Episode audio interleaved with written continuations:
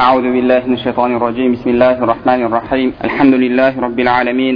والصلاة والسلام على نبينا وإمامنا وقدوتنا وقرة عيوننا محمد وعلى آله وأصحابه أجمعين. اللهم لا سهل إلا ما جعلته سهلا وأنت تجعل الحزن إذا شئت سهلا. رب يسر ولا تعسر رب تمم بالخير. رب اشرح لي صدري ويسر لي أمري واحلل عقدة من لساني يفقه قولي. اللهم علمنا ما ينفعنا وانفعنا بما علمتنا وزدنا علما وعملا وتقا وإخلاصا يا رب العالمين. أما بعد السلام عليكم ورحمة الله وبركاته.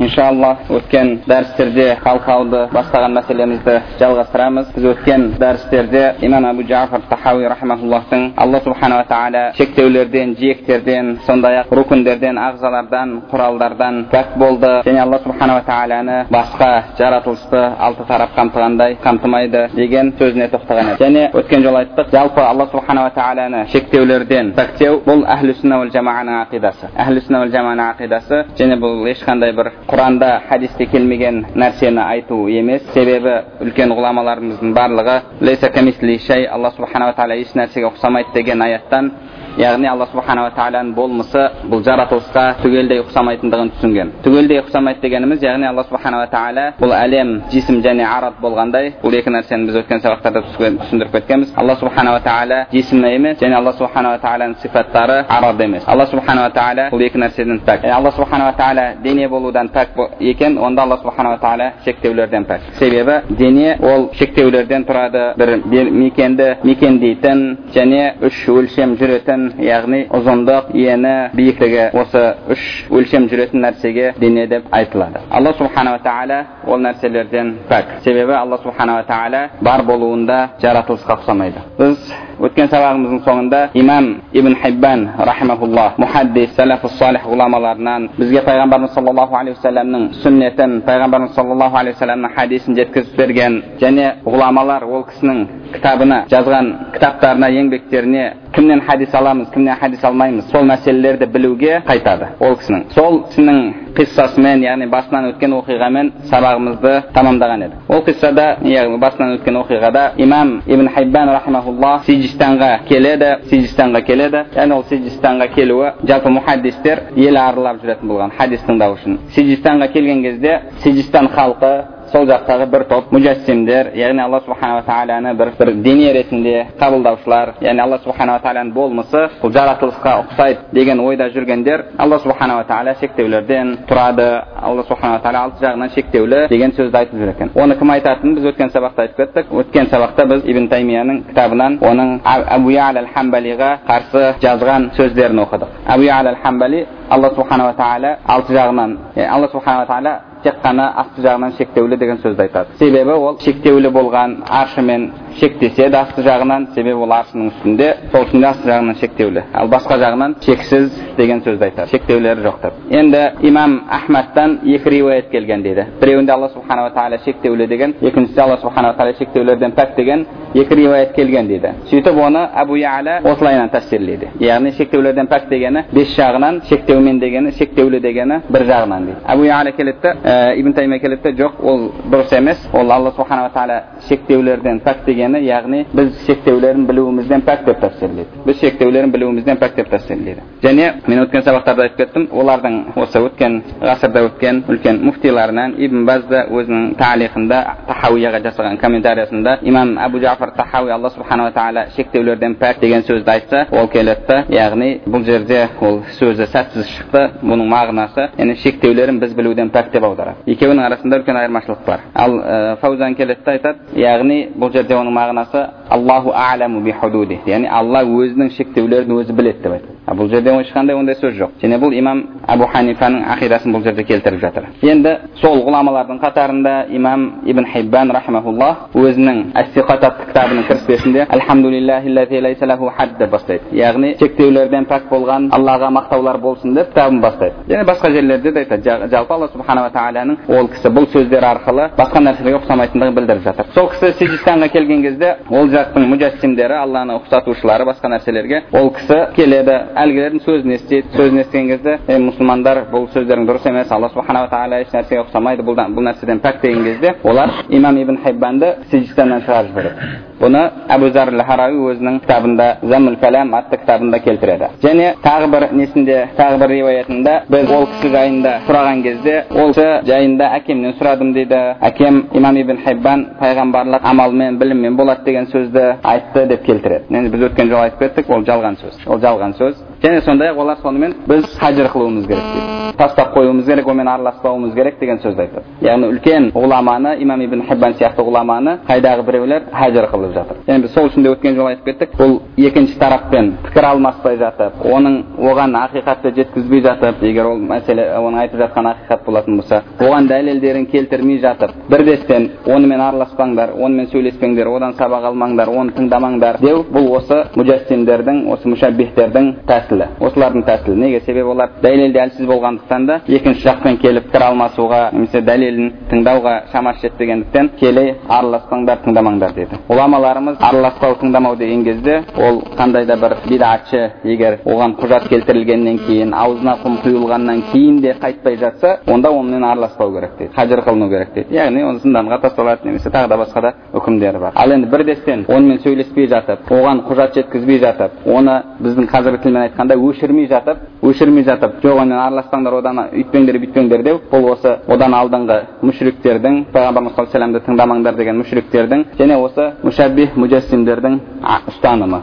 Солардың тәсілі. Бұл бұл мәселе тек қана имам ибн хайбанмен ғана болған емес. Яғни имам ибн хайбанды олар сөйтіп қаралап ол кісі жайында әртүрлі сөздер жазып халифаға жазды халифаға шағымданып сөйтіп ол хажыр қылынады басқа қылынады оны еретик деп яғни әртүрлі сөздер айтады. Сонымен имам ибн хайбан сиджистаннан самарқандқа шығып кетеді. Самарқандқа шығып кетеді. Яғни осындай үлкен ғұлама олардан сондай әзият сондай зиян шеккен. Және бұл жалғыз ғұлама емес тек қана. Имам табаридің өзі де. Имам ибн имам ибн жарир табари. Қазірге дейін өткен ең үлкен ең ұлы муфассир ең үлкен муфассир мүштахид мұтлақ дәрежесіне жеткен үлкен ғұлама бұл кісінің де біз өткен сабақтарда сөзін келтіріп кеттік алла бұл дүние жисімнен және араттан тұрады деген яғни бұл дүние бұл дүние әлем жисімнен және араттан тұрады деген сөзін келтіріп кеттік және онымен салыстырмалы түрде ибн таймияның сөзін келтіріп кеттік барлық бар болған нәрселер жисімнен және араттан тұрады деген ал бар болған деген кезде яғни оған алла субханала тағала да кіріп кетеді сол үшін де оларда алла субханала тағала үлкен бір дене ағза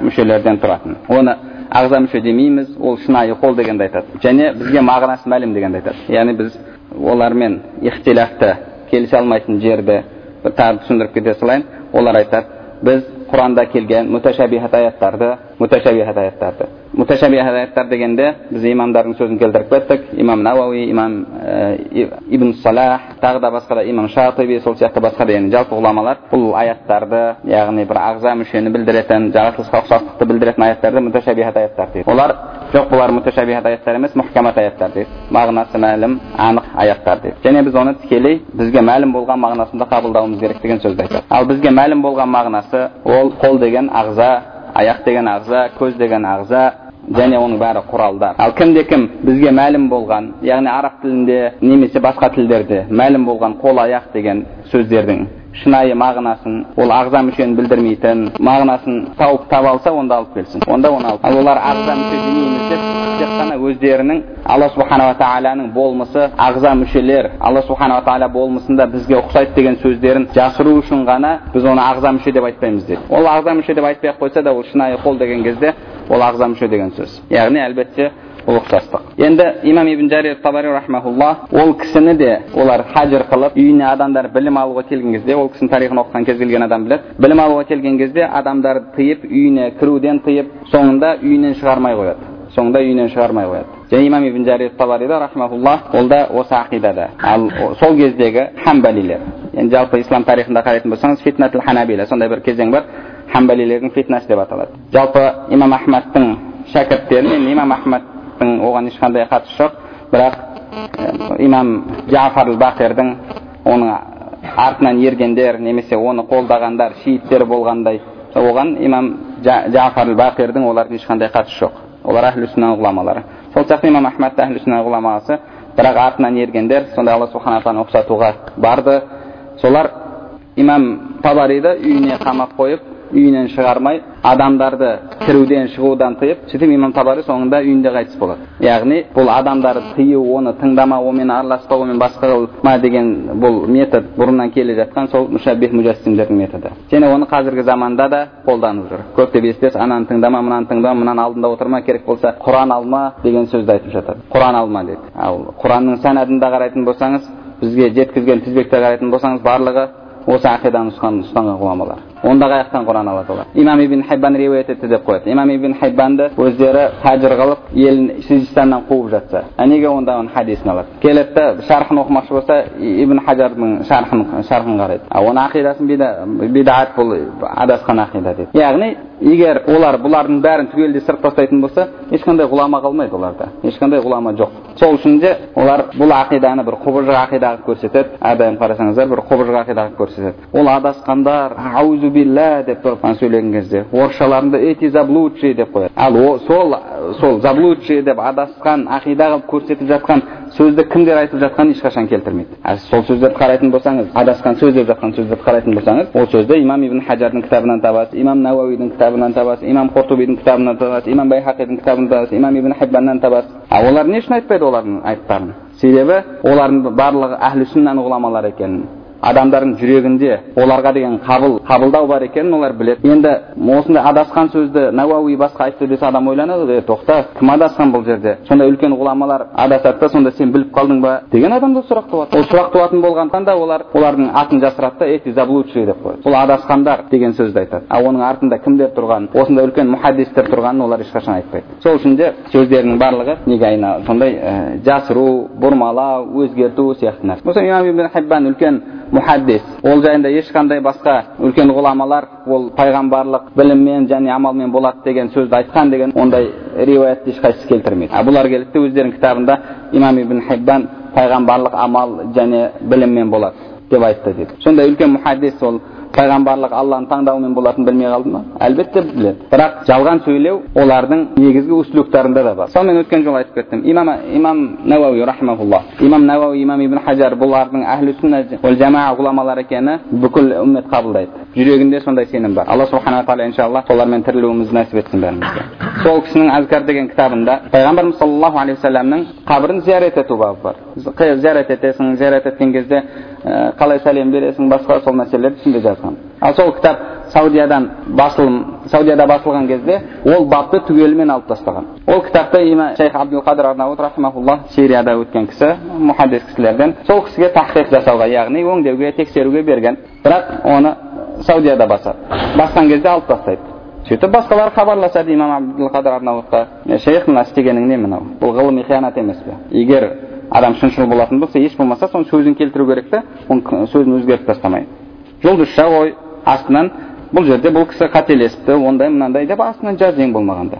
А оны түгелдей жойып тастап түгелдей жойып тастайды. Сонда ол кісінің қол өзінің қол хатымен оны кейін ғұламалар кітаптарында келтірді. Имам шейх абдулқадыр менің бұған ешқандай қатысым жоқ бұны мен істеген жоқпын мен тек қана өңдеп бердім. Оны баспадағылар алып тастаған деген сөзді өзінің қолымен жазып астына қолын қойған несі бар? Астына қолын қойған. Сол жерде не? Бұл жалған сөйлеу емес пе?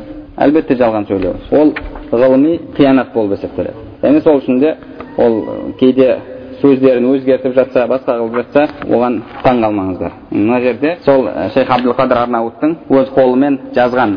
Мына жерде астында қолын қойып жазған несін келтірген? Копиясы. Енді шейх абдулқадыр арнаут өз қолымен жазған. Жоқ менің бұған қатысым жоқ ешқандай бұл ғылыми қиянат деп өзі жазған. Үлкен сондай мұхаддистердің атынан жалған сөйлей береді.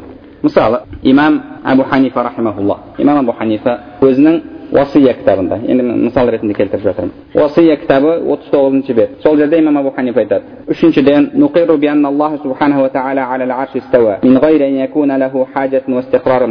біз алла субханала тағала аршыға истиуа еткеніне иман келтіреміз дейді ол ешқандай мұқтажсыздық яғни бір мұқтаждықтан емес және ол жайғасу ورنغو يمستيدا واستقرارنا عليه.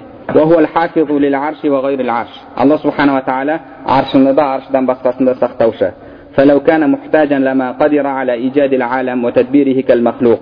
егер ол мұқтаж болғанда أليم әлемді жаратуға оны игеруге қадір ولو صار محتاجا إلى الجلوس والقرار فقبل خلق العرش أين كان الله؟ егер алла субхана ва غا سوغا ورنغو غا وطرو غا محتاج болғанда онда аршын жаратпай тұрып қайда болды فهو منزه تعالى الله عن ذلك علوا كبيرا алла субханала тағала ол нәрселерден пәк дейді алла субхана тағала ол нәрселерден пәк бұл китаб уасия имам абу ханифаның яғни өсиеттері бұны толығымен имам әл мухаддис али қари өзінің шихл акбарға жасаған шархында келтіреді алпыс бірінші бетінде және айтады اعلم أن الإمام الأعظم رحمه الله صنف الفقه الأكبر حال الحياة والوصية عند الوفاة وقد ذكرت عبارتهما مستوفاه яғни біл имам абу ханифа рахимахулла фиқл акбарды тірі кезінде яғни әлі сол халал хая өмір сүріп жатқан кезінде жазды дейді ал өсиетін опат етейін деп жатқан кезде яғни өлім төсегінде жатқан кезінде айтқан немесе жазған дейді және екеуінің сөзін де толық келтірдім дейді яғни бұл имам абу ханифаның қайтыс болып бара жатып айтқан сөзі енді осыны саудиядан басылым тапқан кітапта имам абу ханифаның осы сөзін былайынан келтіреді дегенде яғни истиқрар жайғасу жайғасусыз деген кезде олар истиқрар дегенде соңғы әлиф пен раны алып тастайды да деп келтіреді деген яғни алла оған аршыға жайғасты деген мағына шығады яғни бүйтіп ол бұрмалап тастау өзгертіп тастау олардың негізінде ол бағанағы бұрынғы ата бабаларынан сол әбу харауи одан алдыңғылардың солардан келе жатқан бұлардың әдет ғұрпы салт дәстүрі. Сол үшін де бұл нәрсені кездестіріп жатсаңыздар оған таң қалмаңыздар. Олар имам ибн хиббанға сол нәрсені істеп жатыр имам табариға осы нәрсені істеп жатыр. Яғни мен қасам ішіп айта аламын егер қазір имам науауи имам ибн хаджар имам қуртубилар келіп біздің заманымызға келіп алла субхана тағала келіп қалып келіңдер имам ибн хаджармен хадистен сабақ беремін десе бұхари шархтап беремін десе имам муслим мен науауи шархтап беремін фихтан сабақ беремін имам құртуби мен тәфсирден мен сендерге тәфсир шархтап беремін десе яғни қандай ғұламалар мынау жүргендер осы жүргендер біздің харам олардың алдына отыру оларды хажыр қылу керек олармен араласпау керек оларды құрту керек оларды тыңдамау керек деген фәтуа шығарады ол болған нәрсе неге себебі солардың айтып жатқан сөздерін олар бидатшы олар адасушы олар басқа олардың ақидасы адасқан ақида деп айтады яғни қазір сол үлкен ғұламалар келсе бұлар айтады тыңдамаңдар олар одан да келіңдер мені тыңдаңдар дейді мені тыңдаңдар мен сендерге дұрыс ақиданы дұрыс сүннатты үйретемін дейді ал бағана құртубиің науауиің ибн хажарың олар сүннатты да ақиданы да ешнәрсені білмейді дейді мысалы саудияда шейхтардың бірі сафар хауали сол ашари матуридилар жайында кітап жазған кітабында имам науауи ол ашари дейді толық ашари дейді ал ибн хаджар ол ашари да емес ол екілен ақидасында мутазабзиб дейді мутазабзиб деген яғни екіленіп жүрген адам әлі толық білмейді нені атиқат қылады неге сенетінін толық білмейді әлі екіленіп жүрген то былай дейді то былай дейді соны сол сөзді дұрыс сөз деп шейх усаймин имам науауидің өзі имам науауидің қырық хадисін шарықтап жатыр тағы сол жерде келтіреді сол сөзді келтіреді. Яғни олар үшін имам ибн хаджар дегенің әшейін ол нені не нәрсеге сену керек екенін әлі толық білмеген ақидасында екіленіп жүрген. Ал ақидада екілену деген ол не? Ол адасу деген сөз. Сол үшін де ол біздің заманда қазір келіп жатса мен қасам ішіп айта аламын. Олар тыңдатпай сондай үлкен ғұламалардың алдынан адамдарды қуады имам ибн хиббаннан қуып жатса имам табаридан қуып жатса яғни сол үшін де ол сіз бен бізді олармен араласпаңдар оларды тыңдамаңдар деп жатса ол бұл жеңіл нәрсе ол еш нәрсе емес себебі олар мынандай үлкен ислам әлеміндегі үлкен ғұламаларға сол нәрсені істеген енді оларға келген нәрсенің бір кішкентай сізге бізге жетіп жатса оған альхамдулилля иншалла бізде солардың көргенін көріп жатырық деп алла субханала тағаладан сауап үміт етсек болады енді біз айтып кеттік худуд яғни алла субханала тағала шектеулерден пәк деген бұл абу ханифаның бұл имам абу юсуфтың имам мұхаммадтардың ақидасы және имам ибн хиббан соны айтып жатыр деді енді бір кісі бар абу саидин дарими деген оны ғұламалардың бәрі мужассим деді мужассим яғни алла субханала тағаланы жаратушыға ұқсатушылардан сол кісінің кітабы бар ар ала деген кітабы бар сол кітабында айтады уаллаху тағала ләху хаддун ла яламуху ахадун ғайру алла субханала тағаланың шегі бар дейді шектеуі бар өзінен басқа ешкім білмейді дейді және ешкім оны алланың шектеуі мына жерде ау мына жерден бітеді ау деп ойлауына болмайды дейді неге себебі өзінің қай жерден шектелетінін тек қана өзі біледі дейді бірақ ләкин ләкин яғни өзбекшеде сөз ғой ләкин бірақ нумин иман келтіреміз бил хад алланың шектеулері бар екеніне деді және оны бірақ ол шектеуінің ілімін аллаға тапсырамыз деді мекенінің де шектеуі бар деді. Оның мекені аршының үстінде аспандардың төбесінде дейді. Бұл екі хад деді. Яғни өзінің хадды бар шектелетін жері бар және мекенінің шектеулері бар деді. Одан кейін сол кітабының жиырма төртінші бетінде айтады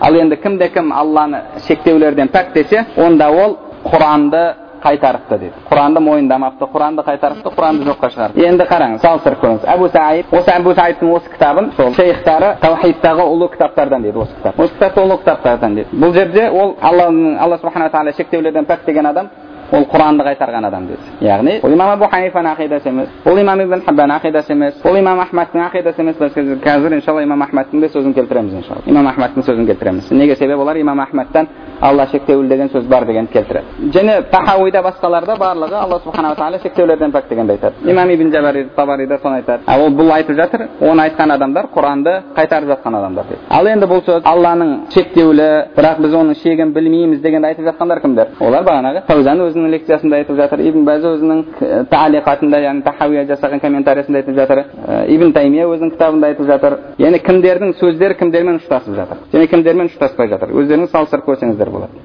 сол үшін де бұл екеуі екі түрлі ақида бұл төрт имамның ақидасы мен бұл ақида екеуі екі түрлі ақида екеуі екі түрлі ақида олар алла субханала тағала шектеулерден тұрады деген сөзді олар айтқан емес керісінше олар алла субханала тағаланы шектеулерден ұқсастықтан пәктеген адамдар. Ұқсастықтан пәктеген адамдар. Сол үшін де бұл жерде бұл сөз яғни бұлардың ақидасы кімнің ақидасымен ұштасады осы әбу саид әбу саид жалпы ғұламалар бұл муджассим деген. Муджассим алла субханала тағаланы ұқсатушы деген.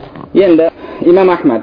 Имам ахмад не дейді? Имам әбул фадл ат тамими атты хамбали мазхабіндегі үлкен ғұламалардан яғни хамбали мазхабының ғұламалары кейіннен мына мына жақты ұстанғандар да болды мына ұстанғандар мысалы имам ибн жаузи әбул фараж ибн жаузи рахмаулла ол кісі сол хамбали мазхабындағы әбу ялаға кейін ибн зағуни тағы үшіншісінің аты есімнен шығып тұр сол үшеуіне қарсы кітап жазған деген яғни ұқсатуды ұқсатудың күмәндарына қарсы жауап деген ұқсатушылардың күмәніне қарсы жауап деген кітап жазған сол хамбалилердің өздеріне сол үшін де оларды хамбалилерді яғни ұқсатуға кеткен ұстанғандар бар және әхлі сүннаның ақидасын ұстанғандар бар сол әхлі сүнна ақидасын ұстанғандардың бірі имам әбул фадл тамими рахмаулла төрт жүз оныншы жылы хижри қайтыс болған сол кісінің имам мубаджал ахмад ибн хамбал атты кітабы бар яғни имам әбу абдуллах ахмад ибн хамбалдың ақидасы ұлы имамның ақидасы деген кітабы бар сол кітабында айтады мына жерде сөздерін ұзағынан келтіріпті барлығын келтіріп жатты мына жерде келтіреді. Қайтыс болуынан бірнеше күн алдын немесе бір күн алдын сифатқа қатысты хадистер жайында сұралады дейді. Сонда айтты қалай киген болса солай өткіземіз және біз оған иман келтіреміз және сахих санаттармен келсе біз ешқайсысын қайтармаймыз және алла субханала тағала өзін сипаттағаннан артық еш нәрсемен сипатталмайды ешқандай шектеусіз дейді яғни бағанағы имам имам әбу жафар тахауидің айтып жатқан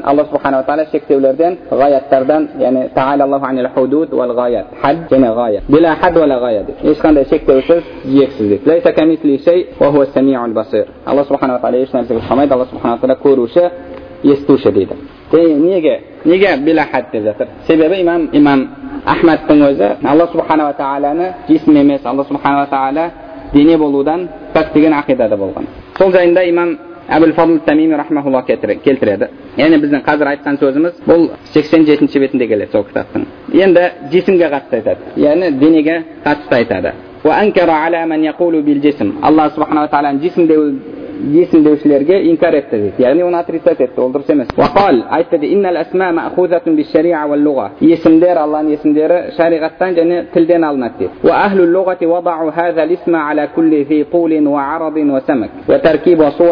ал енді тіл иелері бұл ол әрбір ұзындығы болған араб ені болған биіктігі болған құрастырылған суреттен тұратын нәрселерге айтады деп. Яғни бағана айтып жатқан ана қол аяқ жүз дегендерді. Алла субханала тағала оның бәрінен тыс деді алла субхана тағала оның бәрінен пәк. Сол үшін алла субханала тағаланы жисім деуге болмайды. Себебі алла субханала тағала жисімге тән сипаттардан шыққан дейді. Яғни алла субханала тағала ол нәрседен пәк дейді. Және шариғатта алла субханала тағала жисім деген ол нәрсе келмеген дейді бұны имам манақиб имам ахмад атты кітабында келтіреді яғни үлкен мұхаддис кітабында келтіреді және әбул фадл тамими рахмауллах айтады осы және осыған ұқсаған сөздер ол кісіден сақталған дейді және бұған қарсы болған сөздер ол барлығы кәзиб жалған барлығы жалған деді ойдан шығарылған жалған сөздер деді яғни сондай үлкен ғұлама төрт жүз оныншы жылы қайтыс болған имам абул фадл тамим рахмаулла имам абу имам ахмадтың ақидасында ақидасы атты кітабында осы сөздерін келтіреді яғни ол кісі не деп жатыр алла субханала тағала жесім емес деп алла субханала тағала жесім емес деп және әлгі тіл иелері тіл иелері ана қол аяқ жүз дегенді сол ағза мүшеге айтады ағза мүшеге айтады сол үшін де кімде кім алланың бізге мәлім болған мағынада тілдік мағынасында шынайы қолы бар десе яғни алла субханала тағала дене алла субханала тағаланың болмысы ағза мүшелер деген сөз ағза мүшелер ол ол сөзді айтсын айтпасын ал енді бағана біз айтып кеттік тағы да айтамыз кімде кім кейбіреулер айтады жоқ ол адамға қатысты айтылса онда ол ағза мүшені білдіреді дейді аллаға қатысты айтылса онда ол ағза мүше емес дейді олар онда ол ағза мүше емес дейді бірақ соңынан келеді да қайтадан жоқ оның мағынасы мәлім дейді. Мағынасы мәлім тілдік мағынасы мәлім дейді. Ал енді мәлім болған бірақ ағза мүшені білдірмейтін қол аяқ деген сөздерді тауып кетпесін кімде кім таба алса. Ал бізге тілдегі мағынасы мәлім деді ма онда біз тіл иелерінен сұраймыз. Яғни бағана араб тілінің сол кездегі жазып кеткен ғұламалардың сөздіктерін ашып қарасақ олар қол деген желкеден саусақтың ұшына дейін айтылады. Ол алу беру құралы ол дененің бір бөлігі деген сөзді айтады. Шынайы қол сол шынайы қол сол. Енді оның формасы әртүрлі бола береді адамнікі формасы жағынан өзіне жараса өзіне тән маймылдың көзіне тән құмырсқаның көзіне тән кенгурудың көзіне тән әрқайсысының көзіне тән яғни негізгі ақиқаты барлығы бір яғни кімде кім ол сөзді айтып жатса яғни алла субхана көптеп лекцияларында естіп жатасыз алланың өзіне жараса шынайы қолы бар адамның көзіне жараса маймылдың көзіне жараса иттің көзіне жараса сол сияқты алланың көзіне жараса деп яғни ол сөз не деген сөз біз қайта қайта айтып жатырмық түсінікті болу үшін ол сөз яғни алла субханала тағалада формасы жағынан өзіне жараса дене деген сөз ағза мүшелерден ағза мүшелерімен сипатталған бір болмыс деген сөз неге себебі ол қол итте де маймылда да адамда да бір нәрсе ол ағза мүше ол дененің бір бөлігі ол алу беру құралы имам тахауи рахмаулла алла субханала тағала не деп жатыр рукіндерден ағзалардан құралдардан пәк деп жатыр алла құралдардан пәк деп жатыр ибн таймия не дейді алла субханала тағала ішу жеу құралынан пәк ішу жеу ағза мүшесінен пәк себебі ішпейді жемейді бірақ істейді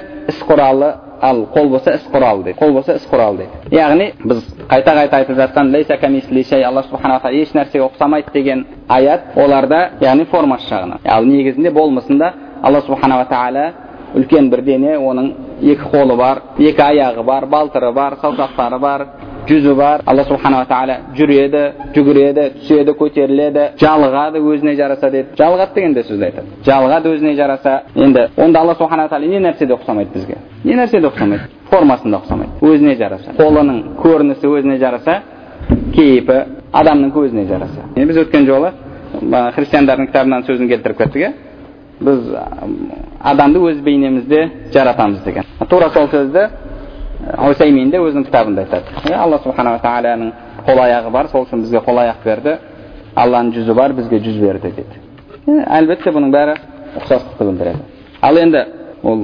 ұқсастықты тікелей мағынасында алу тікелей сөздік мағынасында алу ол ұқсастықты білдіретіндігін ол нәрсені істеуге болмайтындығын ғұламалар кітаптарында келтіріп кетеді кітаптарында келтіріп кетеді ал енді одан кейін иншалла біз онда біздің ғұламаларымыз ол аят хадистерге қатысты қандай ұстанымда иншалла оған да тоқтаймыз енді ал бірақ тікелей мағынасында сөздік бізге мәлім мағынасында алу бізге мәлім біз түсінген мағынада бұл аяттар деген адам ол адам әлбетте ұқсатушы неге себебі сізге мәлім болған қол ол тек қана ағза сізге мәлім болған аяқ ол да ағза одан басқа мағынасын білесіз ба яғни сізге қол десе сіз нені түсінесіз дененің бір бөлігін түсінесіз одан басқа нені түсінесіз бізге мәлім мағынасы сол ғой қалайша онда бізге мағынасы мәлім дейді да одан кейін яғни ағза десең біз ағза мүше деп айтпаймыз деді яғни ол сөздің өзі ұқсастықты білдіріп тұрғанын біледі да сезеді сол үшін де өзін жасыру үшін біз жоқ ағза мүше деп айтпаймыз өйтіп ақылымызды істетпейміз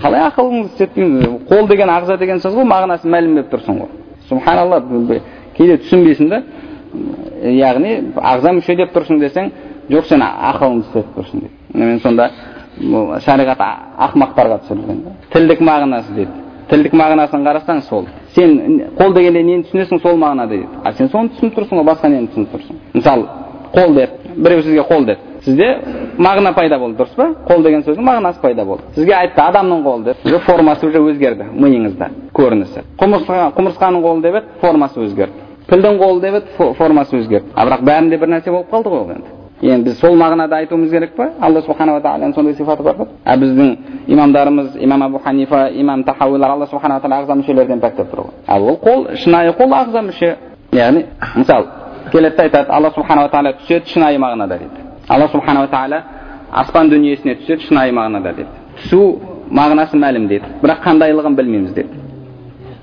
түсу деген не тілге қарайтын болсаңыз түсу деген яғни бір нәрсенің төбеден яғни жоғарғы жерден төменгі жерге ауысуы деді сол ғой түсу деген одан басқа нені түсінесіз яғни біреу түсті десе сіз нені түсінесіз яғни төбеден төменгі жоғарғы орыннан төменгі орынға ауысты деген түсінесіз одан басқа ешнәрсені түсінбейсіз енді бір орында тұрса сіз оған түсті деп айтпайсыз тілде ол түсті деп айтылмайды ол орнында қалды деп айтылады олар айтады алла субханала тағала аспан дүниесіне өз болмысымен түседі деді және усайменнің сөзін келтіріп кеткен едім алла субханала тағала пенделерге жақын болу үшін аспан дүниесіне түседі деді аспан дүниесі деген қай дүние аспан дүниесі деген мына жұлдыздар көрініп тұрған аспан алла субхана тағала құран кәрімде біз аспан дүниесін жұлдыздармен әшекейлеп қойдық деді яғни мынау аспан біз көріп тұрған жұлдыздармен әшекейленген аспан осы аспан дүниесі. Жеті қабат аспан болатын болса осы аспан дүниесі. Аспан дүниесіне өз болмысымен түседі деді.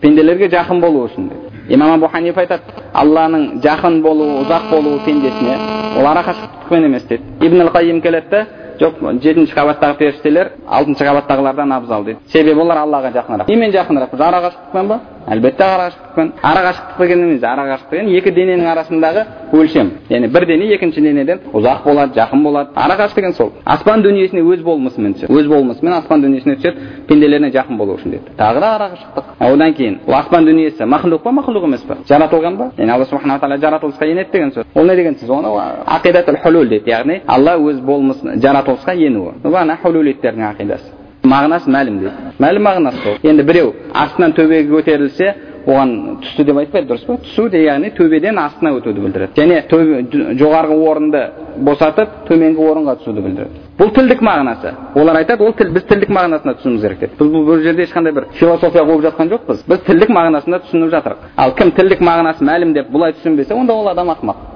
сөйтеді келеді айтады. Ибн тайми айтады алла аспан дүниесіне өз болмысымен түседі бірақ аршы босамайды дейді яғни бірақ хақиқи түсу дейді мағынасы мәлім дейді енді сіз одан кейін ойлап қараңыз.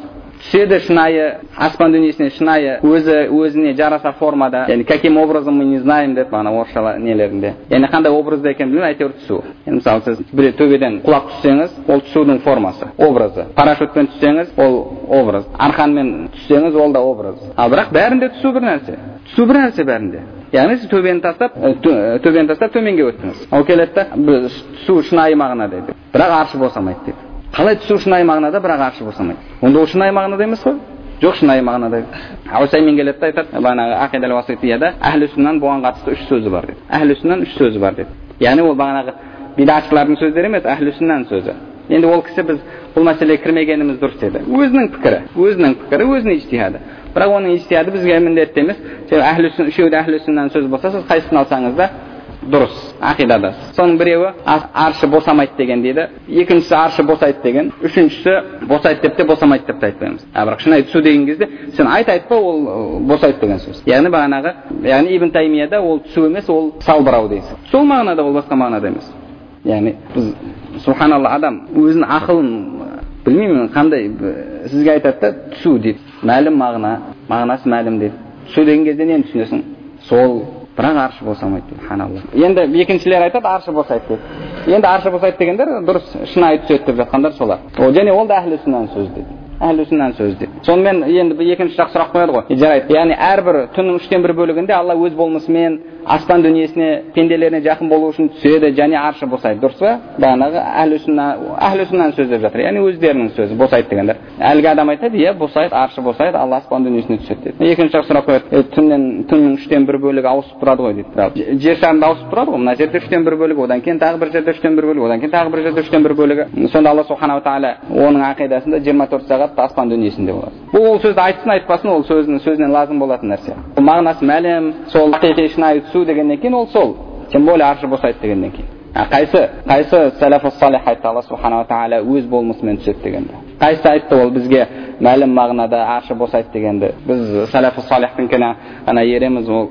олардың айтқанына жүреміз айтқанымен жүреміз біз өз ойымызды қоспаймыз деп қай жерде алла субханала тағала алты жағынан шектеулі деп тұр қайсы сәләфу салих айтып тұр имам абу ханифа сәләфу салих па сәләфу салих алла субхана тағала шектеулерден пәк деп имам ибн хиббан сәләфу салих па алла субхана тағала шектеулерден пәк деп имам имам салих алла субханала тағала шектеулерден пәк олар айтып тұр соны қай сәләфу салих абу саид дарими сияқты сәләфтар сәләф деген алдын өткен деген сөз ғой бірақ ол сәләф салих емес та сәләфу талих яғни салих деген өзге деген сөз салих деген жаман деген сәләфу салих емес онда ол кім болады сәләфу талих болады онда басқа ешқандай сәләфу салих жоқ ол сөздерді айтып алла субханала тағала бізге ұқсайды алла субханала тағала қолы оның іс құралы алла субханала тағала аспан дүниесіне түседі түскенде аршы босайды алла субханала тағала бізді өзіне ұқсатып жаратты яғни қол аяқ берді яғни кез келген жан жануарды өз бейнесінде жаратты деген сөз себебі кез келген жан жануарда сол адамдағы қол аяқ бар оларда да яғни олардың ол тәпсірінде алла субханала тағала кез келген хайуанатты өз бейнесінде өзіне ұқсатып жаратты деген сөз одан басқа ешқандай сөз шықпайды яғни бұның бәрі әхлі сүннаның сөзі емес әхлі сүнна оны тікелей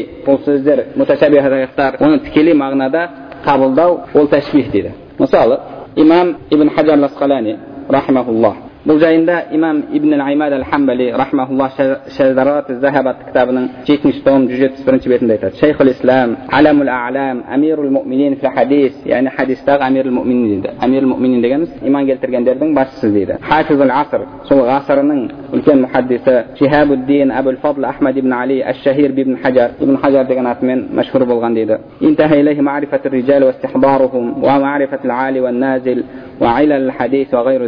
яғни хадиске қатысты хадисті риуаят етушілерге қатысты мәселе сол кісіге келіп тоқтаған дейді барлығы сол кісіге арқа сүйейтін болды бұл мәселелерде дейді қудуатул умма умметтің өнеге тұтатыны ғұламалардың ғұламасы сүннені тірілтуші яғни осы лақаптардың бәрін сол кісіге айтып жатыр имам ибн хаджар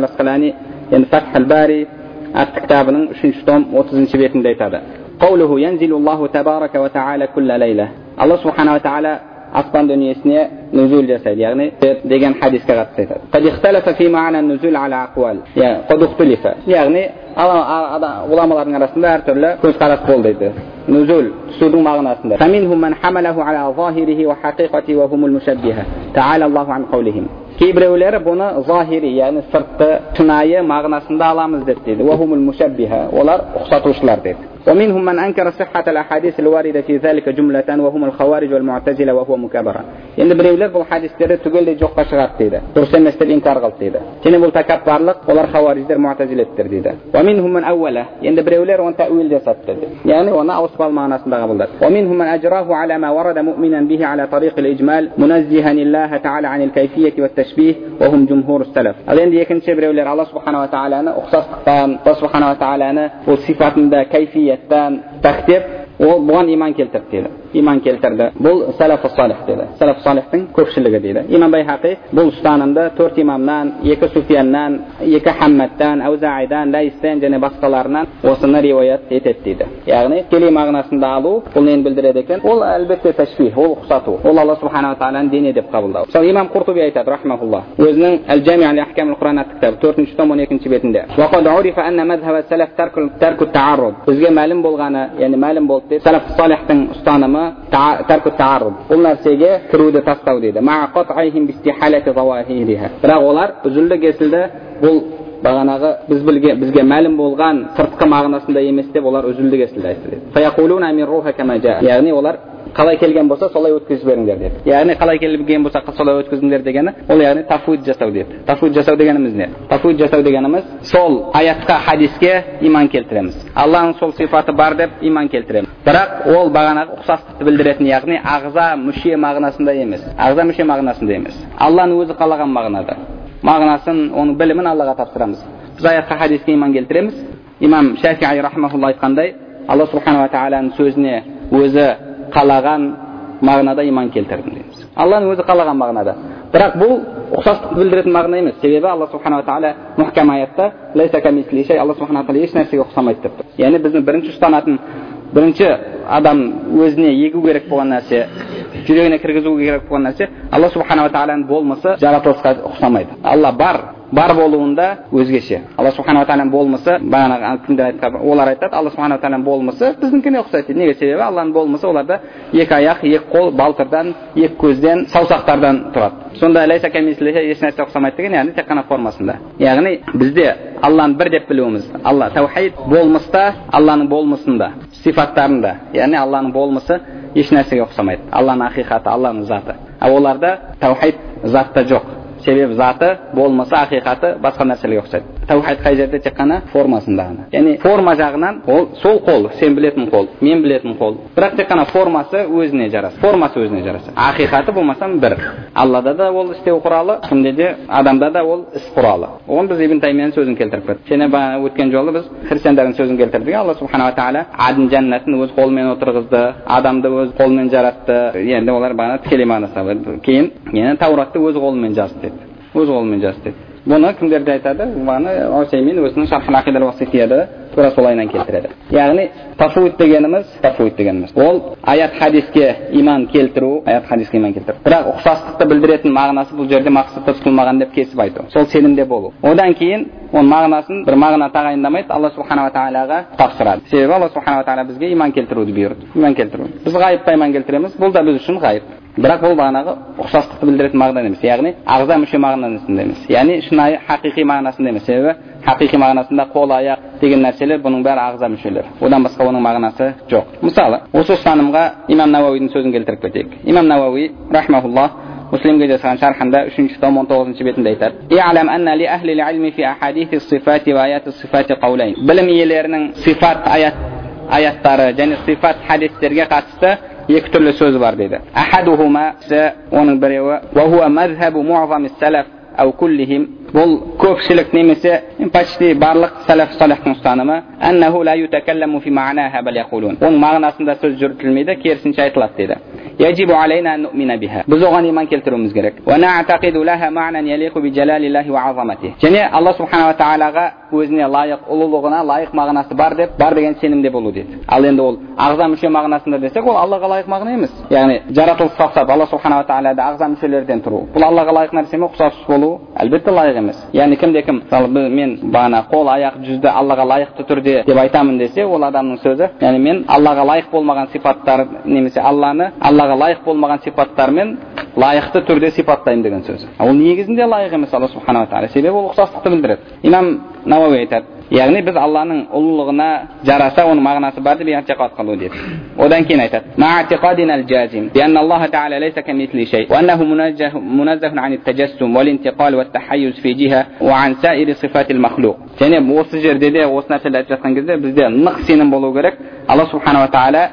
еш нәрсеге ұқсамайды алла субханала тағала жесім болудан көшіп бір жерден екінші жерге көшуден бір жерді мекендеуден бір тарапта болудан сол сияқты жаратылысқа тән басқа да бір сипаттардың барлығынан пәк деген сенімде болуымыз керек деді сенімде болуымыз керек деді яғни бұл тафуид дегеніміз осы яғни бағанағы ұқсастықты білдіретін аят хадистерге қатысты біз ол аяттарға иман келтіреміз ол хадистерге иман келтіреміз ол сипатқа иман келтіреміз бірақ ол бағанағы ұқсастықты білдіретін алла субханала тағаланы бір денеге ұқсатып қоятын мағынада емес ол мағынада емес. Себебі ол мағына ол алла субханала тағалаға лайық емес. Ол алла субханала тағаланы басқа нәрсеге ұқсатуды білдіреді. Мысалы имам яғни түсуге қатысты хадис. Түсу дегеніміз негізгі мағынасы мәлім. Негізгі мағынасы aniq tildek ma'nosi ol bir narsani tushuvni bildiradi endi imom abu sulaymon al xattobiy rahmaulloh aytadi innama yunkiru hada va ma ashbahahu min al hadis man yaqisu al umura fi zalika bima yushahiduhu min an nuzul alladhi huwa tadalli min a'la ila asfal wa intiqal min fawq ila taht wa hadhihi sifatu al ajsam wal ashbah fa amma nuzul man la tastawi alayhi sifat al ajsam fa inna hadhihi al ma'ani ghayru mutawahhamat mutawahhamatin fihi sunan al bayhaqi imom bayhaqi sunanida keltiradi 3 tom 3 bet imom abu sulaymon al xattobiy aytdi deydi bu hadisda бұл хадисті яғни түсу хадисін алла субханала тағаланы басқа жаратылысқа қияс қылып салыстырушылар бұл хадисті жоққа шығарады дейді ол қандай ә, түсу жаратылыстағы яғни ол көріп тұрған яғни төбеден астына өту яғни фауқ деген төбе тахт төбеден астына көшу мағынасында түсінгендер оны инкар қылады дейді оны инкар қылады дейді яғни бағанағы соны көріп жоқ ол бұндай ол ұқсастық білдіріп қояды деп бағанағы мутазилиттер хауариздер оны түгелдей жоққа шығарды әхлі оны жоққа шығарған жоқ бірақ бұл дейді жисімнің сипаттары дейді бірақ жесімдіктен пәк болған жесімге тән сипаттардан пәк болған алла субханала тағаланың хақында бұл мағыналар жүрмейді дейді имам ибн ражаб ал хамбали рахмаулла айтады имам ибн ражаб ал хамбали бұл кісінің де фатхал бари деген имам бұхариге жасаған шархы бар имам ибн ражаб ал хамбалинікі бірақ ол кісінікі толық болмаған яғни бұл кісі де хамбали мазхабындағы үлкен ғұламалардан ибн хажардан алдын сол кісі айтады фатхал бари матабының яғни бұл толық емес кітабы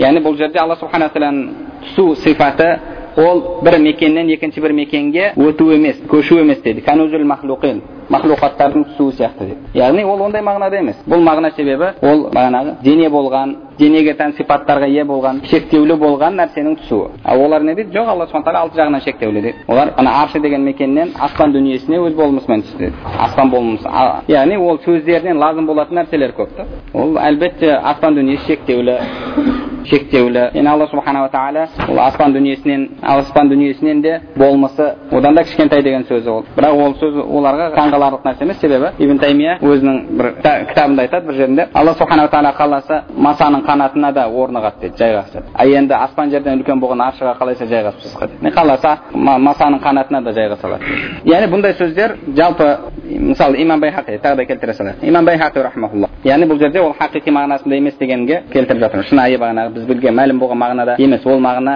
ұқсастықты білдіретін мағына болған кезде біз ол алла субхана тағала ол нәрселерден пәк деп кесіп айтуымыз керек сол айтады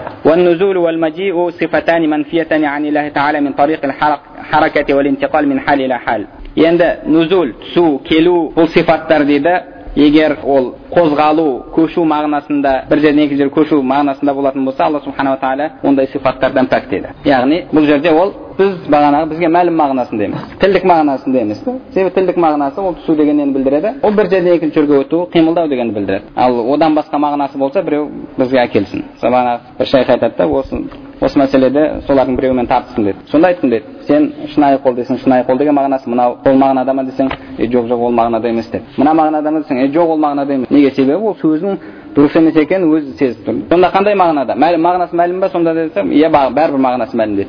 Енді мағынасы мәлім болса сенде мәлім болса маған түсіндіріп берші сол мағынасын біз аллаға мәлім дейміз бұл айтады жоқ бізге мәлім деді ол бағанағы тілдік мағынасы деді сөздіктегі мағынасы деді сөздіктегі мағынасын келтірсе жоқ бұл олай емес енді қандай мағынада түсіндіріп берші маған саған мағынасы мәлім болса десе мен мағынасы мәлім бірақ мен түсіндіре алмаймын да оны сен одан да аллаға көбірек көп көп дұға қыл сол маған мәлім болған мағына саған да мәлім болып қалсын яғни ол қандай мәлім мағына оны сен түсіндіріп бере алмасаң тілдегі мәлім мағына деді тілдегі мәлім мағына тілдегі мәлім мағынасын біз оны қайдан іздейсің словардан іздейсің сөздіктен іздейсің а сөздіктегі мағынасы мынау енді кез келген адам негізінде ол сөзді қай тілде айтылса да сол сол мағынаға мәлім мағынасын түсінеді.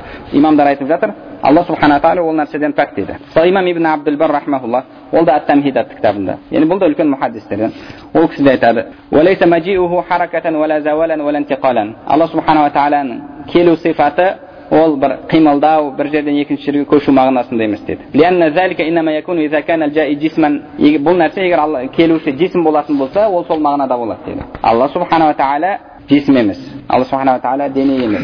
Оны кім айтып тұр? Имам әбу ханифа. Фихл акбарда айтып тұр иә алла субханала тағала дене емес деп тұр. Фихл акбарда басқа жағында айтады. Алла субханала тағала дене емес. Алла субхан тағала шектеулерден пәк деп тұр. Имам ахмад айтып тұр алла субханала тағала дене денеге тән сипаттардың бәрінен пәк деп имам имам ахмадтар айтып тұр яғни ондай болатын болса ал шынайы қол ол әлбетте ол дене шынайы аяқ ол әлбетте ағза ол дене яғни алла субханала тағала ол нәрселерден пәк енді ол қандай мағынада ол алла субханала тағаланың өзіне тапсырамыз біз тұтастықты білдіретін мағына бұл жерде әлбетте мақсатта тұтылмаған деп кесіп айтамыз аят хадиске иман келтіреміз бірақ мағынасын имам шафи айтпақшы біз алла субханала тағаланың өзіне тапсырамыз яғни бұл бұл ұқсастықты білдіретін сипаттарда ұқсастықты білдіретін сипаттарда. Біз мағынасында мағынасын аллаға тапсырамыз.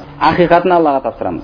Иман келтіреміз. Енді білім құдірет қалау бұл мағынасы мәлім және бұл кемел сипатты білдіреді. Бұл кемел сипатты білдіреді. Біз алланың білім бар сол сияқты адам білімі бар десек бұл ешқандай ұқсастықты білдірмейді. Неге? Себебі алланың білімі өзіне жараса. Енді неге онда алланың қолы өзіне жараса деп айтпаймыз? Қол ол ағзаны білдіреді бәрібір. Ол өзіне жараса дегенмен қол негізгі ұғымы ол ағзаны білдіреді. Сол үшін де ол өзіне жараса ағза деген мағына шығады. Ал білім ешқандай ағзаны білдірмейді көру ешқандай ағзаны білдірмейді. Ал жоқ көру көзбен болады десең әлбетте ол алла субханала тағала бағанағы имам әбу тахауи айтып жатқан алла субханала тағала ағза мүшелерден пәк деген сөзге ол қайшы болады. Алла субханала тағала көруінде ағзаға мұқтаж емес. Түсінде алла субханала тағала ағза мүшеге мұқтаж емес. Себебі ол ағза мүше ол кем, кемшілікті білдіреді. Себебі адам сол нәрсеге мұқтаж.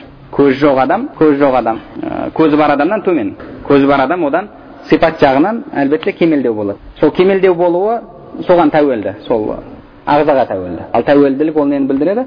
Ол мұқтаждықты білдіреді. Яғни енді білім мысалы білім сипатында құдірет бұл сипаттарды біз бізге мағынасы мәлім ол мағынасын да қабылдаймыз. Бірақ алланың білімінің ақиқатын қалауының ақиқатын құдіретінің ақиқатын оны да тафуид жасаймыз оны алланың өзі біледі. Алланың білімінің ақиқатын алладан басқа ешкім білмейді. Алланың құдіретінің ақиқатын алладан басқа ешкім білмейді. Алланың қалауының ақиқатын көруінің ақиқатын естуінің ақиқатын бұның бәрін алладан басқа ешкім білмейді. Мысалы имам шафии егер мысалы бір ғұламаның келтірген мысалы. Өзі шафи мазхабынан болған да имам шафидің үйінде егер қарауыл болса деді қызметшісі болса деді қызметшісі имам шафиді кім ретінде таниды имам шафиді имам шафи имам ретінде таниды біледі күнде көріп жүр бірақ оның білімінің ақиқатын біледі ма ол қарауыл білмейді оның білімінің қандай екенін кім біледі оны сол сияқты ғұлама біледі сол сияқты ғұлама біледі одан басқа ешкім білмейді егер сен төмен болатын болсаңыз мысалы қазір бір ауыл жерлерге басқа жерлерге барсаң естіп жатырсың уф бір түгел бір молда болған екен ой керемет енді білімі керемет болған екен дейді бағанағы суды теріс ағызған екен деп қояды оның сиқыршы екенін ол қайдан білсін ол оны керемет бір ғұлама дейді немесе бағанағы өзіміз білетін адамдар да құранды дұрыс оқи алмайды бірақ дауысы керемет машалла бір ауылға барып құран оқыпты кейіннен сол ауылда естіп жатыр бәлен келіп оқып кетті уф білімі керемет екен дейді ол білімін немен салыстырып жатыр бағана әуендетіп құран оқығанымен салыстырып жатыр ол білімінің оның ақиқатын білмейді ол неге себебі онда ондай білім жоқ иә мысалы имам шафидің білімін имам шафи сияқты ғұлама біледі бірақ есігінде жүрген қызметші оны тек қана имам шафи ретінде имам ретінде таниды оның нені білетінін білімінің ақиқатын ол білмейді алла субханала тағаланың білімінің қалауының құдіретінің ақиқатын да біз білмейміз оны да тафуид жасаймыз оны да аллаға тапсырамыз а бірақ олардың мағынасы мәлім біз ол мағынасын да қабылдаймыз және ол ешқандай бір денелікті ағзалықты ешқандай бір кемшілікті білдірмейді иншалла ендігі жолы имам имамдардың иншалла сөздерін яғни мағынасын аллаға тапсырамыз деген сөздерін иншалла келтіреміз себебі біздің әлгі бауырларымызға мағынасын аллаға тапсырамыз мағынасы аллаға мәлім десең оған да келіспейді жоқ ол да жоққа шығару ол да жоққа шығару оның мағынасы бізге мәлім дейді ал бағанағы мағынасын мәлім мағынасын әлбетте оның мәлім мағынасы не екенін бәріміз білдік мысалы осы ұстанымға қатысты айтады имам байхақи мынау имам байхақи рахмауллахтың яғни үлкен мұхаддистерден әли атиқад уәл хидая иля сабил рашад аля мазхаби салафи ва асхабил хадис атты кітабы тасниф яғни бұны жазған الإمام الحافظ أبو بكر أحمد ابن الحسين البيهقي الشافعي үш жүз сексен төртінші жылы туылған төрт жүз елу төрт жүз елу сегізінші жылы қайтыс болған байхақиді кім естімеген байхақи риуаят еткен байхақи сахах деген байхақи байхақи деп әхлі суннаның үлкен ғұламаларынан сол кісі айтады яғни бұл ана есім сипатта яғни сипаттарға қатысты да ғұламалардың арасында екі түрлі ұстаным бар дейді.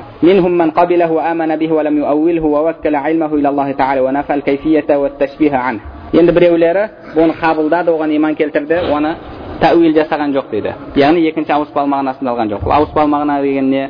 Ол иншалла ендігі жолы түсіндіреміз ілімін аллаға тапсырды дейді алладан бір кейіпте болуды ұқсастықты пәктеді ұқсастықтан пәктеді дейді яғни бұл сипаттар биля кайф дейді биля кайфия бір кейіпсіз бір образда емес дейді а біздегілер айтады жоқ оның образы бар оның бір белгілі бір формасы бар дейді сен егер формасын жоққа шығарсаң онда ол сипатты жоққа шығарған болады біз тек қана формасының қандай екенін білмейміз деді шынайы қолы бар бірақ оны біз формасын білмейміз деді формасын білмейміз деген ал енді жоқ ол bila кайф яғни бір белгілі бір кейіпте емес десе оны ол жоққа шығару деді бұл жерде имам байхақи кайфиятты нафи қылып жатыр дейді енді екіншілер дейді екіншілер оны қабылдады оған иман келтірді